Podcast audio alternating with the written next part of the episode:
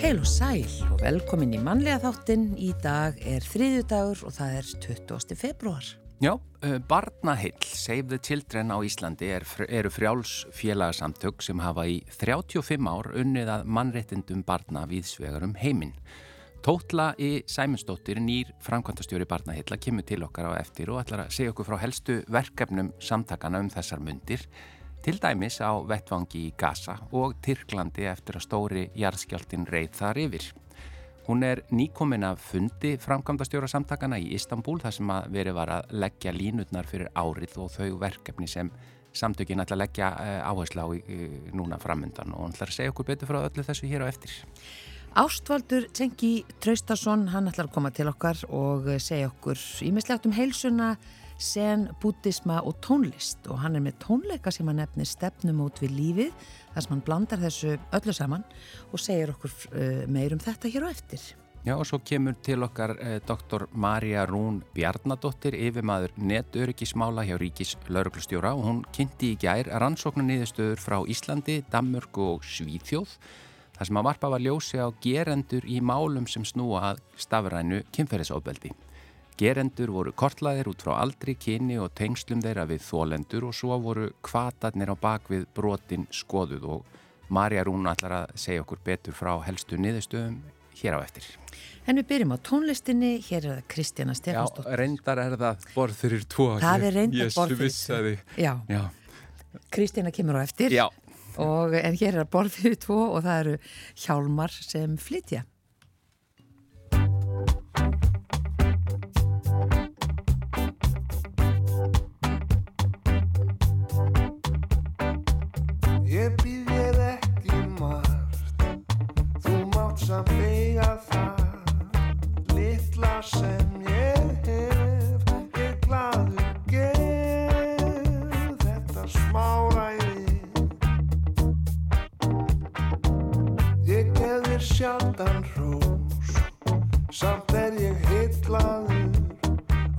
Flestu sem að þér snýr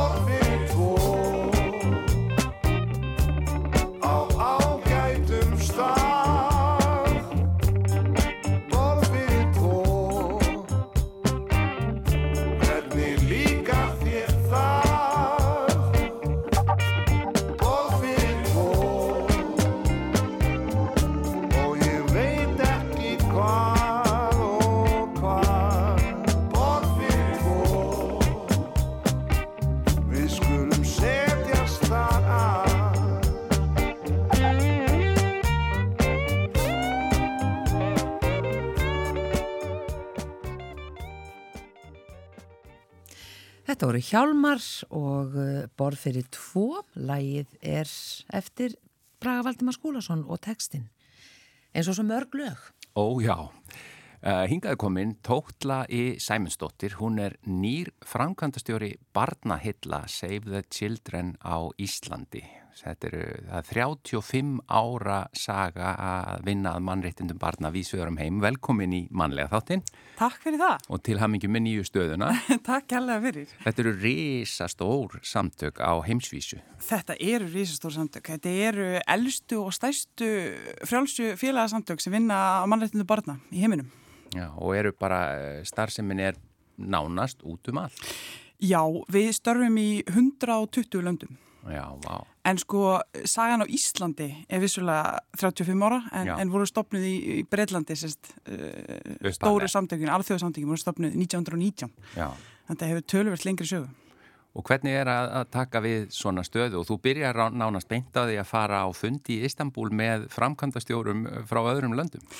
Já, ég var sérstaklega bara að koma frá Ísnabúl uh, þar sem ég heitti, hvað voru við, við vorum 50 manns, þetta voru cirka 35 framkvæmtastjórar viðsvegar um heiminn mm -hmm.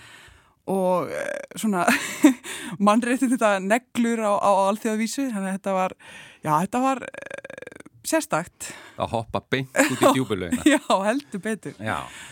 En gríðarlega mikið starf og, og það var verið að, að þarna, uh, segja frá nýri greiningu barnaheilla. Mm -hmm. uh, það eru auðvitað válegar tölur, tíu miljónir barna eru á vergangi eða, eða er að hafa flúið heimili sín. Já, þetta eru þessi tölur sem við tókum sama með hérna, flótamanna hjálpa saman í þjóðana fyrir 2023 og það voru þessi tíu miljón börn í fyrra sem gerir í rauninni 50 miljónir barna á heimsvísu sem eru að flóta í hildina. Þannig að þessar Já, þetta er 10 miljónir bara í fyrra? Já. Já. Já. Og við náttúrulega hefum verið svolítið fókusröðu núna upp á síkastiði á, á Gaza og strísvæði þar. Mm -hmm. En sko stærsta mannreitnda krísa í heiminum í dag er í Sútan. Það var 4,1 miljón barna sem fór að flóta. Já, þetta heyrum við ekkert sérstaklega mikið í fyrirtum. Nei, við heyrum ekki mikið af þessu og þegar við sjáum svona ítrekka ástand sem, sem hérna, spannar áratögi þá, hérna, þá missir fólk einhvern veginn áhugan og, og, og við heyrum minna um frettir og, og svo framvegs. Við sjáum þetta bara kannski í samverði núna nærtakast að skoða dæmi með Úkrænu og Gaza. Já. Við fáum dælega núna frettir af, af Gaza en, en áður þá voru dælega frettir Úkrænu. Já.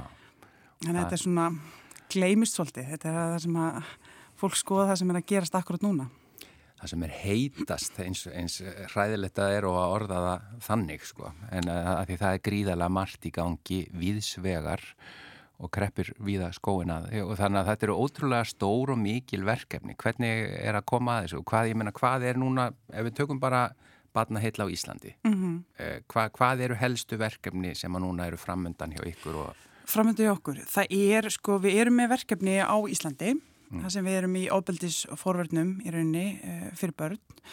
Um, þannig að við erum með tvö stórverkefni í gangi þar. Uh, svo erum við náttúrulega alþjóðsamtök þar sem við erum að starfa út um allan heim. Við erum með uh, fjögur verkefni frá Íslandi sem við erum með í Afríku, mestmægnis í Vestur Afríku sem við erum stöðut að vinna en svo er þessi til dæmis neyðar viðbræði hjá okkur, hjá alþjóðsamtökunum, það er náttúrulega eitthvað sem við erum alltaf að, að einblýna á. Já. Og þú eftir að hafa verið á þessum fundi með frangvandastjórun og þú sagði að því þeir eru hvað, sex á skrifstofunni hér á Íslandi? Já, þetta er svolítið hérna, litli fiskur í stóru tjötninni en hérna en eh, magnað að sitja með þeim og gera plön fyrir næstu ár. Og, hérna, og það sem við erum alltaf að skoða núna það sem var mikið í deglinu úti núna var bæði þessar nýju tölur um, og svo náttúrulega vorum við mikið að skoða ástandi í gasa og, hérna, og hvað var næstu skrif þar. Ég vil þó að það sé erfitt að koma inn hjálp eins og er, þá er samt alltaf stöðuðu ströymur og við erum að vinna mjög eh, náið með, hérna, með uh, öðrum samtökum líka Já. að koma inn eh, neðrastóð. Já, koma inn á gasa, ekki bara Já. taka við fólkinu sem er að koma út. Já, Já. það er bæði í raunni, þetta er raunni bæði. Við erum bæði með viðbrað í Egyptalandi og svo erum við líka að fara inn á svæðið Já. og þessi flókið eins og er. Þú segir Súdan og svo er að uh, líka bara því þú varst að koma frá Istanbul í Tyrklandi eins og Já. stóri jarðskjáltin í fyrra mm -hmm. eftirmálar hans, ekki sett? Jú, það var ótrúlegt að því að nú er komið akkurat ár síðan að jarðskjáltinu voru Já og eh, jarðskjaldarnir, sko, ofnbæra tölur segja að 55.000 manns hafi dáið, en fólki okkar í Tyrklandi segir þetta sé markvælt fleira. Þau tala um 200-250.000 á einhverju tímapunkti hættu yfirvöld bara að telja. Uh, en það sem gerist líka, sem er svolítið erfitt fyrir fólk að skilja oft, er að, að þetta hefur áhrif á 9 miljón manns já, já. ofan á svo 4 miljónir sem flúður frá Sýrlandi vegna jarðskjaldana. Þannig að þetta eru risastórar tjaldbúðir sem fólki okkar í Tyrklandi er að vinni í og hópurinn sem ég heitti í Tyrklandi var hópurinn sem kom fyrst á vettfang eftir járskjaldina. Þau töluðu um sko að þau voru komin fjórum klukkutímum eftir að, járskjaldina átti sér stað og þau voru fyrsta fólk á vettfang. Þess að starfsmenn segjuðu tildurinn, eða badnahella segjuðu tildurinn í Tyrklandi. Já. Og það var uh, magna að hlusta á frásagnir einstaklingar sem mætt á staðinu og fyrsta sem þau gera er að, er að byrja að draga fólk úr ústum og þau voru líka svo miklu kaplöfi við tíman af því að margir eða flesti sem dóu dóur unni vegna kulda líka. Já. þau fengi ekki aðstóð Já. bara und, undir rústum. Já, því það var auðvitað og, og, og svo allir innviðitir sem að rundu og, og eftirmálanir þá sem að fylgja því. Já, og það er líka sko að sem þau eru að eiga við eru mannrættata krísur í tjálbúðum við sjáum badnahjónabönd, þrælkun, uh, hungur, það, það er lítið hluti sem hefur aðganga mentun og svo framvegs.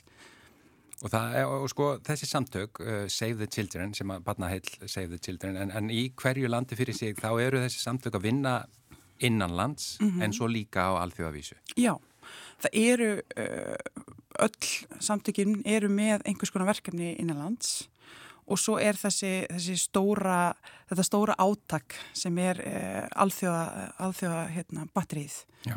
sem er í rauninni, sko bæði er fólk að vinna í verkefnum eh, erlendis eins og við erum með verkefnum okkar í Afriku og svo líka er, er þetta hérna, þessar stóru mannúðakrísur sem, sem þeirra kljástuð saman. Eh, þetta er frjálsfélagsamtök, hvernig, hvernig rekið ykkur? Þið fáið eins og þið eru með samning við ríkið það ekki í sambandi þessi verkefni eða einhver af þeim í Afríku? Jú, við erum með samningu utanækisræðandið, við erum með rammarsamningu utanækisræðandið sem uh, gerur okkur klifta að gera þessi verkefni í Afríku uh, og svo eru við líka frjálsfélagsamtök sem, sem treystum á, á, á heitla hérna, vini sem er fólk sem er unni borgamánaðlega til okkar. Já. Og þetta er eh, með að við alltaf flóta fólk sem hefur aldrei verið fleiri á flóta í heiminum í dag, er ekki rétt? Jú, þetta hefur tvöfaldast síðan 2010, svona þessari skíslu. Og 40% þeirra eru börn og auðvitað það þarf ekki að taka fram að börn ráða ekkert í hvaða aðstæðum þau lenda og auðvitað ekki náttúrulega meiri hlutin af þeim sem er að flóta. Nei, það er náttúrulega hryllingur sem við erum að kljást við. Uh, við erum kannski nærtækt dæmi núna þar sem við erum að sjá heilt samfélag á Íslandi sem, sem þarf að yfirgefa heimilisín.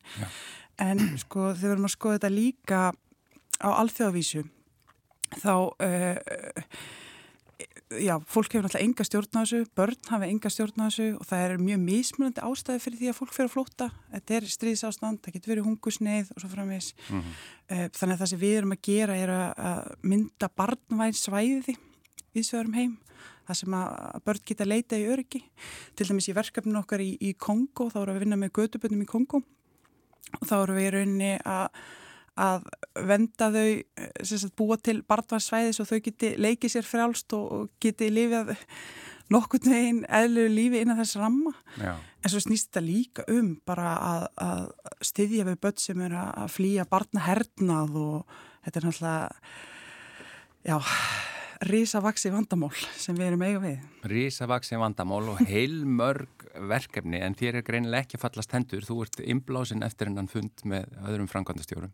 Heldur betur. Það var rosalega gott fyrir mig í þessu nýja starfi að geta setist með, niður með fólki að, sem er að starfa um allan heim og heyra frá verkefnunum og líka læra fólki hvað við getum komið með heim. Já það var svona kannski stóra leksjan var að setja með fólki sem stýrir mörg þúsund manna samtökum með mismöndi verkefni og heyra hvað þau eru að gera og hvernig þau eru að vinna úr þessu.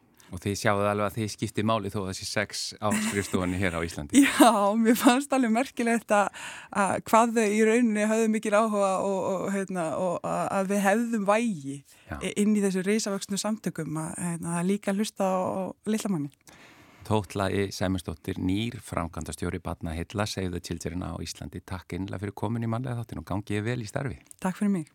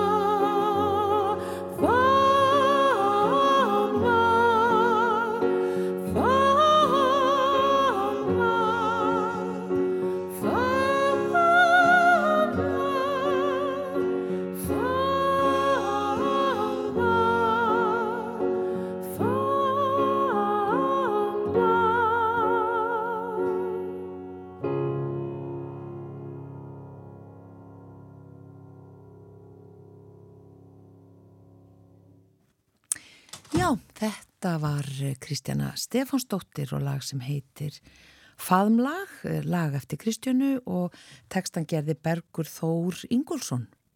Já, tónlist getur verið eh, heilsueflandi og haft mjög góð áhrif á manneskjur. Og stefnumót við lífið er yfirskrift tónleika sem er svona í sjálfu sér ferðalag, kannski getur við sagt stefnumót við þið óþekta, þið ósegjanlega og hann er komin hinga hann ástvaldur Sengi Traustason sem er tónlistamæður og uh, líka munkur eða senmunkur. Já. Og svo bættur einhverju við áðan sem ég manni? Já, það, það var hérna munkur eða, eða senkennari eða senprestur. Já. Ég veit aldrei alveg hvað ég hafa að segja, en... Já, en þú sagðir að þú, svona þetta hefði verið draumur hjá þér lengi að sameina sem sagt uh, senka. Já hérna kennarann og, uh, og tónlistamannin ástöld Já, einhvern veginn hefur það blundað í mér rosalega lengi og ég uh, fann einhverja gamla bók um, um daginn sem ég hafi skrifað sko í fyrir 20 árum og þá skrifaði ég þetta að samina svona þessa kennslu og, og, hérna, og tónlist. Já. og þá er þetta svona þá býð ég tónleika gestum með mér í ferðalag eins og þú segir að, að því óþekta Já. og hinnu ósegjanlega líka.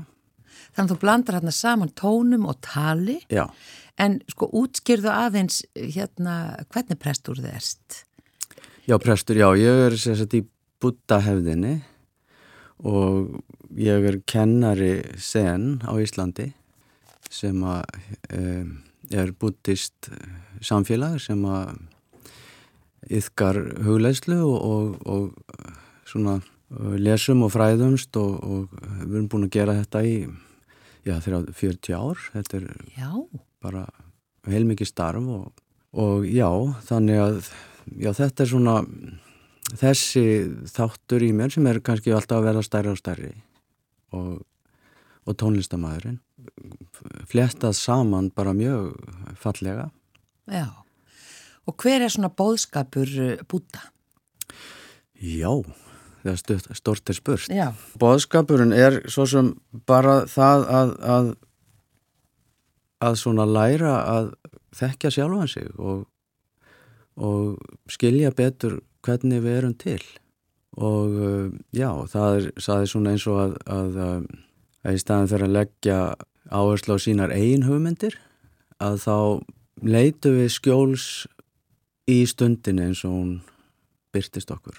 Það er svona þessi að gangast við stundinni eins og hún er. Mm. Hún er kannski ekki alltaf eins og við vildum helst að hún væri en þannig að það er svolítið galdur að, að, gangast við lífinu. já, en verð ekki alltaf að reyna að breyta því Já, eins og maður sjálfur vill að það sé eða já. Já, Og líka það að, að, að stundin eins og hún byrtist okkur, hún er alltaf heil og, og það að hugur og líkami eru ekki aðskilin. Þetta er eitt, hugur og líkami er eitt og, og, og náttúra og manneskja eru eitt. Og allur heimurinn og, allt líf á jörðin og allt, all jörðin er bara eitt líkami. En við, við svona svolítið gleymum þessu og ég held að þegar við algjörlega gleymum þessu og við förum einhvern veginn í okkar hugmyndir að þá og það er svona á, á til dæmis stríð heima það er, það er þegar við erum bara algjörlega í okkar heimi og, og, og nálgunst allt út frá okkur sjálfum og ef, að, og ef það er eitthvað sem er ekki alveg eins og við viljum þá er það bara einhvern veginn fyrir okkur en um, já þannig að það er bara mjög svona að, að að nálgast lífi á þennan hátt er bara heilmikið líka áskorun já. fyrir hvert sem er. Mm. Við hefum, já, ofta þriðutum verið að tala um heilsuna Já, og þú sagði mér að hana heilsa þýðir í, í rauninni heilt, eitthvað sem er já, heilt. og það bendir á þennan eiginlega veruleika að, að, ver, að, raunveruleikin er og uh, sá að, að veruleikin er, er heill og, og stundin er alltaf heil.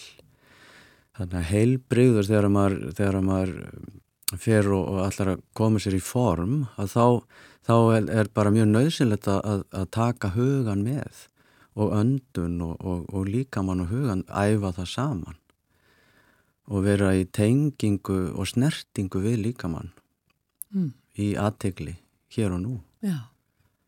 En það sem gerist þegar maður er að yfka sína trú eða, yfka bútatrú, er það þessi tenging? Já, og þess vegna er, gæti verið að orðið trú sé bara kannski passi ekki alveg við. Því að þetta er ekki eitthvað sem að svona trúir að sé eitthvað til. Heldur, heldur er bara þessi raunveruleiki að finna það og sjá það. Og, og þegar við förum að sjá það vel og, og betur að þá köllum við það að vakna. Þannig að má segja að þetta sé svona að vakna til síns eigins lífs Já. frekar en að, já, ég myndi segja að það er ekki eins held ég eins og við trú, eins og við skiljum orðið trú í dag. Og þess vegna er, er buddhismi og zen-buddhismi, það, það, er, það eru allir velkomnir hverja trúa sem þeir eru, að því að við erum ekki að, að yfka einhverja kennisetningar eða, eða láta einhvern, eða segja einhverjum eitthvað. Heldur er þetta alltaf þetta ferðalag að sjálfum sér og að lífinu og þess vegna er það bara fyrir alla. Akkurat. Ég ætla að vera, sagt, stíga fram á þennan hátt að vera með tónlist og, og þetta spjall og þessa kennslu svona með og, og ég ætla að hafa þannig að, að ég verð með fjóra stafi sem ég, sem ég ætla að, það er eitt stafur fyrir hverja kennslu og hvert lag og þegar tónleikarnir eru búinir þá erum við komið með eitt orð sem við tökum með okkur heim og þetta orð hjálpar okkur og, og mun síðan já, hjálpa okkur svona þegar við erum komin heim og að muna eftir því hvernig við getum farið í svona ferðalag og farið að mm. og gengist við. Akkurat. Þú vilt ekki segja okkur hvað orða þetta er? Myndir það ofinbæra of mikið? Já, eh, já það, nei, ég held að það væri svolítið skemmtilegt að, að svona hafa svona smá spennu í því því að mér langar að, að einmitt að tónlingagestir að það verði svona líka svolítið hvaða stafur kemur já þessi staf, hvaða orða ætla þetta að sé og, og, og svona, sé svona smá eftirvænting líka, þannig að þetta sé svona, líka tónlingarnir eru mynda eina heilt, þannig að þeir og laugin þau tala inn í, inn í þessa kennslu mm. og, og eftir stendur síðan þetta orð sem að við sem allir geta tekið með sér heim, þetta eru bara fjórir stafir Já, við höfum oft talað hér í manlega þættinum um uh, það að róa taugakerfið. Já. Eitthvað sem hefur já, bara verið í umræðinu og, og bara þykir mikilvægt á bara þessum tímum sem við lifum á. Mm. E, er þetta þannig tónlist? Já, sko, líka, og það er hluti af þessari kjenslu, er, er líka að við, við getum, að með því að við erum ekki að róa kerfið, heldur fara að því og setja með því. Og í þessari, í þeirri aðtegli og þeirri mildi að þá róast það. En, en ef að það róast ekki þá sitjum við samt með því. Þannig að við erum, oft, við erum ekki að koma til þess að breyta neinu það er líka eins og, eins og til dæmis að, að stundin er heil og, en við komum stundum að lífinu til þess að eins og það sé brotið og við séum að fara að laga einhvað Já En það er í raunin ekkit að því þegar að taugakerfið okkar er pínu þannig og það er bara oft ágættis ástæður fyrir því. Að þannig að við, við komum að því og setjum með því og, og rauninni tek, tökum bara þessar oft erfiðu tilfinningar í fangið og setjum með þeim. Þannig að við erum ekki að, að fara að, að beinta laga eða, eða breyta eða En jú, tónlistin hún hjálpar okkur að þessum stað og að þessari sátt að ef, að, ef við erum stressuð að þá er það það sem við sitjum með og, og það er í þeirri mildi sem að möguleikinni á að, að, að vera bara hamingisamur að hérna að það er að koma að þessari og það er einmitt staðurinn það er þessi sátt Já en við erum alltaf í, í því að reyna að breyta öll. Við erum að breyta og, og þannig við helst í rauninni stressið því við sættum okkur aldrei við hvernig við erum. Við erum aldrei, eða mjög oft, ég tala líka fyrir sjálfa með því ég er náttúrulega líka með þetta og, og að það er til dæmis að finnast uh, maður aldrei vera nóg. Og einhvern veginn þurfum maður að, að bæta einhverju við til þess að verða eitthvað meira. En þessi staður sem við förum á í, á þessum tónleikum eða þessi heili staður sem við erum alveg fullkonlega heil. Og, og, og þannig kemur þessi sátt. Snýst þetta svona meir og minna um sjálfsmildi?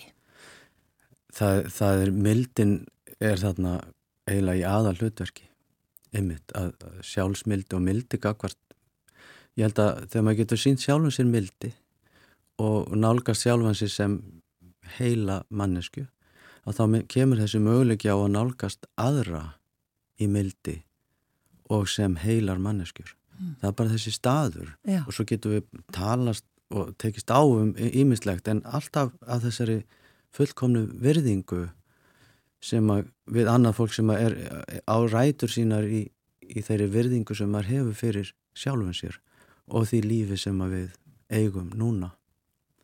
Þannig að það er það fallega við það. Já, maður þarf að byrja með sjálfan sig. Já, og það er kannski svolítið mikið léttir að þurfu ekki að breyta heldur að koma að og, og finna og leifa finna það sem er og leifa því að vera Já. eins og það er.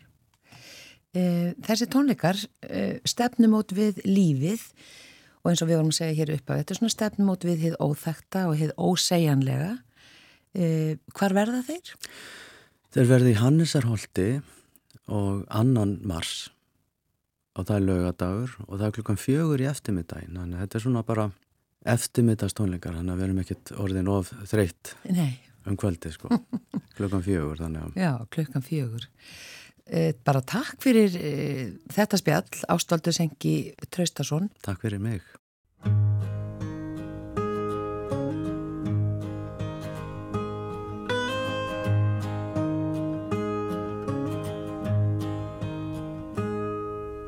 Þú ert blómið fegurst ég fann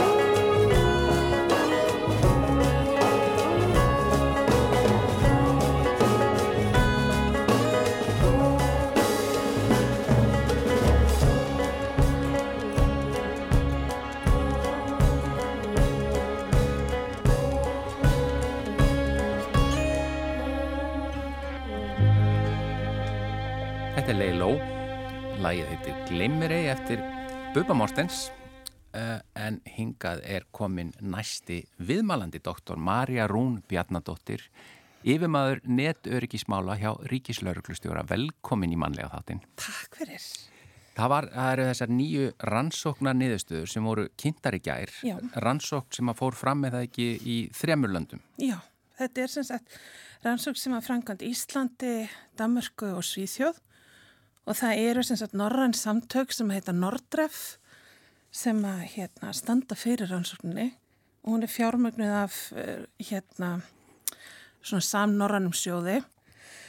Og markmið var í raun og verið að reyna átt okkur á sagt hverjir það eru sem að fremja stafran kynferðsbrott og ekki bara sagt hverjir það er heldur af hverju. Og eins og satt, kom svona fram aðeins í, í kynningurum hjá okkur í gæra fyrir þau okkar sem að fremja ekki svona brot þá kannski er bara erfitt að skilja hvað, hvað fólki gengur til. Já, af því það eru alls konar myndir Já. eh, sem eru sendar, bæði af öðrum og af sjálfum sér Mhm. og einmitt hvaða hvati liggur þar að baki. Já, þannig að við fórum svona svolítið honi að skoða það í raun og veru bara bæði, reyndum að svona ná utanum þetta án þess að þó að tala við gerundina sjálfa, það er náttúrulega rosalega erfitt að ná í þann hóp. Já, Þannig að við söpnum þessast gögnum frá þólendum, þeim sem að í raun og veru koma að leita sér aðstöðar vegna þess að hafa orðið fyrir svona brotum.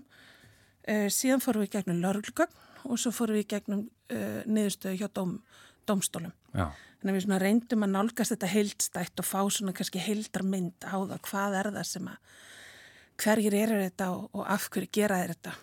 Og það sem við sáum er að þetta að þetta, sem sagt þessi stafrænu kynfyrsbrot, þau getur náttúrulega byrst með mismundi hætti og þetta eru ekki endilega sömu aðlarnir sem að er að fremja all brotin. Þannig að er, er útskýraðins betur hver er munurinn eða hvar, Já, þetta er í raun og veru sko það sem við skoðum voru kannski svona aðalega fjóri flokkabrota. Mm. Það eru sem sagt, þessi stafræni kynfyrsbrot sem við kalla það sem að netið eða tæknin notu til þess að brjóta á okkur um öðrum kynfyrslega Mm. og þar eru til dæmis dreifing nektarmynda í heimildalegi sem mjög klassist dæmi. Já, eða að, að svona óöpumbera með einhverjum hætti, til dæmis að óöpumbera einhversi samkynniður án þess að þeir samþykja það eða eða svo framvegs. já, Um, svo skoðuðum við hótanir þar sem að þú veist bara ég vil kannski ekki segja þær í útvarpið. En hótanir um hótanir- kynferðisofbeldi? hótanir um ofbeldi? kynfyrsofbeldi hótanir um hérna, líflát Mhm. hótanir um uh, að vinna einstaklingum eða einhverjum þeim nánum mein Já, uh, svo skoðuðum við þessar hérna teipamyndasendingar já, um, má, má má ekki segja það? Jú, jú, jú. Já, og hérna uh, og, og svona ímislegt sem að því fylgir já, og svo vorum við að skoða líka bara í raun og veru þetta, þetta svona þegar verið að kalla konur svona þegar verið svona verið, verið að veita staðum skiluru um, og, og hérna og þá skoðuðum við þetta líka í samhengi við heimilisofbeldi. Og þá er þetta við að sjá að, að þegar er, um er að ræða heimilisofbeldi að þá er stafrænar byrtingamyndir bara ótrúlega oft hluti af brotamennstrunum. Já, það er bara ein hlið, hliðin á uh, heimilisofbeldi. Já, og við erum meira þess að sjá sko tiltrúlega svona, er kannski svolítið aðstæðanlegt að segja þetta en svona framsækna nálganir brotamanna þar, þar sem þeir eru kannski að nota tækna til þess að stýra. Framsæknir brotamenn. Já, þetta er svona, þetta er svona, já, ég var að reyna að finna eitthvað betra orð. Að nýta sér tæknina, já. Já, Já. já, að hérna, við erum að sjá til dæmis dæmið það að fólk sé að nota kannski svona snjallmæla, þú veist, það er svona, nú erum við fann að nota snjallmæla fyrir hitan og, og svo leiðis í húsunum. Já, að hérna að nota þá það sko til þess að stýra þólandanum bara. Ég kæli niður húsið. Það verður rosalega kallt heima. Já, nei, ef að þú hlýðir mér ekki, þú veist og, og, hérna, og nota svona snjallmyndavilar þú veist svona og ringmyndavilar og svona Já, til að fylgjast með, bara hvað ert að gera? Ég sé að þú ert ekki búin að vaska upp vá. þannig að það er, er svona Komast inn í kerfið. Hjá, Já, eða bara, eða bara eru bara gerandunir, þú veist, það er bara kannski, mm, kannski annar, sem sagt, sá sem að beitar ábeldinu á heimilinu, Já, að hann alltaf bara er með aðganga þetta ringmyndavilum Já. á heimilinu sínu. já, já, þetta er bara allstar og þannig að þetta eru aðalega, aðalega karlmenn, ég heyrist mér. Já, það þú- er bara þannig, Já. það er alveg þvert á. Við erum að sjá í raun og veru, sem sagt, í öllum landunum, þessum þremur, að þá er yfirgnæfandi, hérna, meirluti gerenda kalla, nánast, þú veist, það er langt yfir 95%.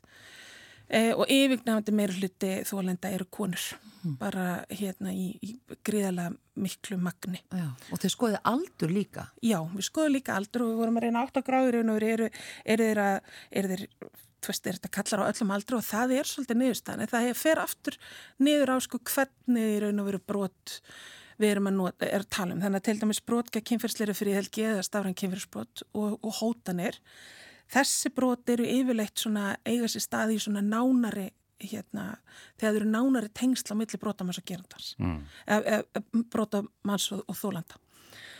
Og það er það til dæmis ef að það hefur eitthvað romantísamband eða hefur verið eitthvað, eitthvað verið að slá sér upp eða eitthvað svo leiðis og það sem að verðist í raun að vera vera hættulegasta tímapunkturinn fyrir konur, það er eins og með annað kynbindofbildi, það er þegar þær slíta sig úr sambandunum. Já, Þannig að þegar þær eru að, fara út úr sambandinu að þá eh, er þetta eitthvað sem að þið nota til þess að reyna bæði annarkvart að halda þeim eða til þess að hefna sín, svo að segja.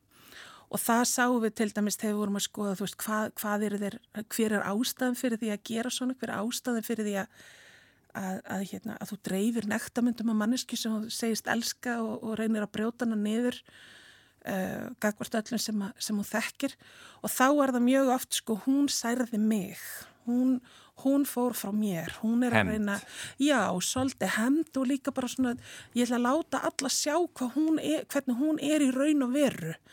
Og hérna og það er eitthvað neginn svona veist, það, og það er það sem við sjáum líka þær eru að upplifa svona, svona herra eða svona aukin auki tjón í raun og veru. Þannig að það er ekki bara það að sé verið einhvern veginn að brjóta á þeim sko með því að dreifa þessu efni eða ofinbyrðaðir einhvern veginn heldur að líka verið að brjóta gegn trösti sem að verður til í samskiptin þessar einstaklinga. Já, og þá við að sjá að brotin hafa djúbstæð áhrif á þessar þólendur og bara virkilega djúbstæð og hérna og eitt sem kom til dæmis fram í þessu varandi hótanirnar, uh, til dæmis í Danmörku þá hérna þá svona, þá þarf að koma fram eitthvað svona tímasetning í hótununum veist, þannig að domstólar eru til dæmis ekki að fallast á í raun og veru að, þessi refsivert að hóta einhverjum nema að sé svona til dæla konkrétt þú veist, þannig að það er ekki ég ætla að nauka þér heldur ég ætla að nauka þér á þriðutæn Býtu, og það skiptir máli gagvart dómstólum. Já, það, það er sem sagt, domstólar í Danmarku taka, sem sagt, leggja rosalega mikla áherslu á það að það sé, þú veist, og þetta er auðvitað bara svona ákveðina matspunktur, hvenar er hótun nægilega svona alvarlega framsett, nægilega mikið þingdini til þess að sé hægt að taka hana alvarlega og hvenar er hún í raun og veru bara eitthvað svona, eitthvað bladur út í vindin og þetta er í sjálfu sem mat sem á þessu stað alltaf. En þá eru danski dómstólar mjög upptegnir af, af þessum með svona konkrétt tímapunkt sem að íslenski dómstólar hafa- leggja, ekki mikla áherslu á. Og við sáum líka þegar við erum að með svona kynferðsbrot sem eru þá svona meira eh, svona hérna senda á sig teipamyndir og kynferðslega áreitni og svo leiðis að þá eru oft svona lausleiri tengsl á milli í raun og veru brotamannsins og, og þólandans. Þá eru e- yfirleitt ekki þessi svona djúbstæði persónulegu tengsl eða romantíska eða kynferðslega tengsl. Heldur er það frekar jafnvel eitthvað sem það þekka ekki eða eitthvað sem það þekka bara lauslega. Og þeir eru yfirleitt aðeins yngri uh, þeir sem er, a, er að senda þannig og þeir eru svolítið að nota sko sérstaklega til dæmis í Svíþjóð þá sögðu þeir sko já ég er sendið tippamindir að því ég er að, ég er að reyna við hana en hérna en ef hún fílar það ekki þá var ég bara að djóka þannig að þessi svona alveg til að verja sig sko þú veist hérna já já, það var bara djók. Já, bara Ekki- djók. Enginn á að taka þetta alvarlega. En ég hef oft spáði þetta akkurat með þessar skrítnu sendingar á myndum af, af bara tippinu á sér. Mm. -hmm. Hvernig, hvað kemur inn í hausin að einhver halda þetta virki?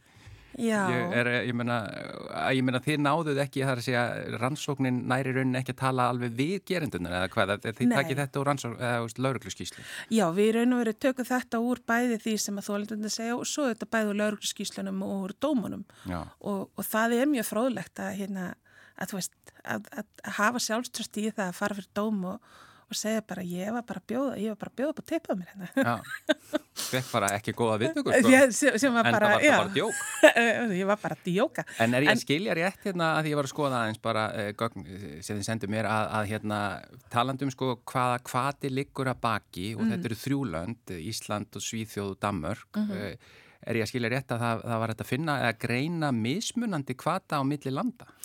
Það, já, það er svona aðeins mismunandi. Það er til dæmis eins og með þessar, með þessar teipamöndasendingar að, að hérna að eh, til dæmis á Íslandi gengu, var ekki jafn mikið láhersla lögð á að þeir væru í raun og veru að, að svona byrja að re- reyna við ykkur og væru svo bara djóka. Uh, þeir svona einhvern veginn, það voru minni, hvað segir maður, afsakanir uh, og þetta var bara svona hérna, þótti eðlilegra hjá, hjá gerundunum hérna. Þótti eðlilegra.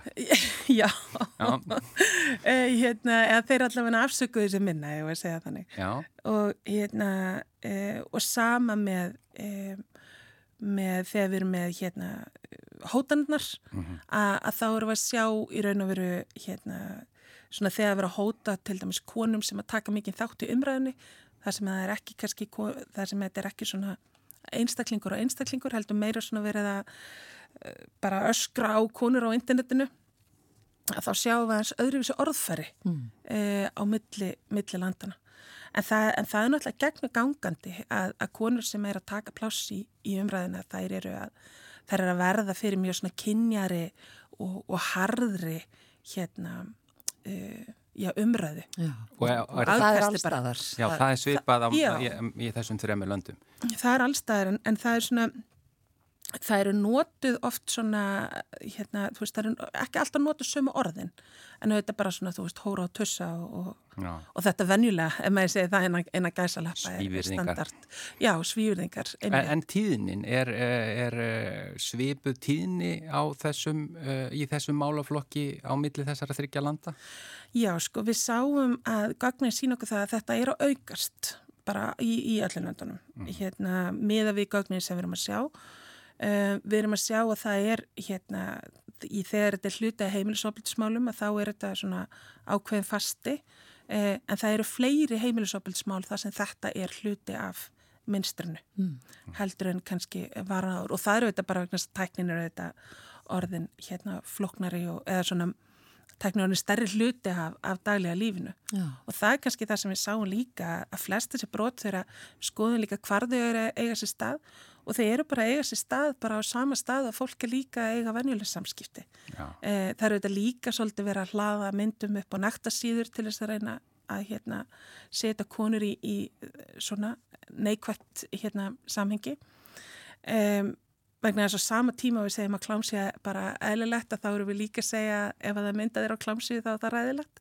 Þannig að þetta er, svo rosalega svona tví ekki þínum. Já, Já. þannig að við erum, við, erum einhvern veginn, við erum alltaf að finna leiði til þess að niðurlega konur sko. Það er, hérna, og það er kannski það sem við sjáum líka í þessu að, að í raun og veru uh, svona það sem ég kalla svona harms eða skaðin sem að verður í þessum brotum.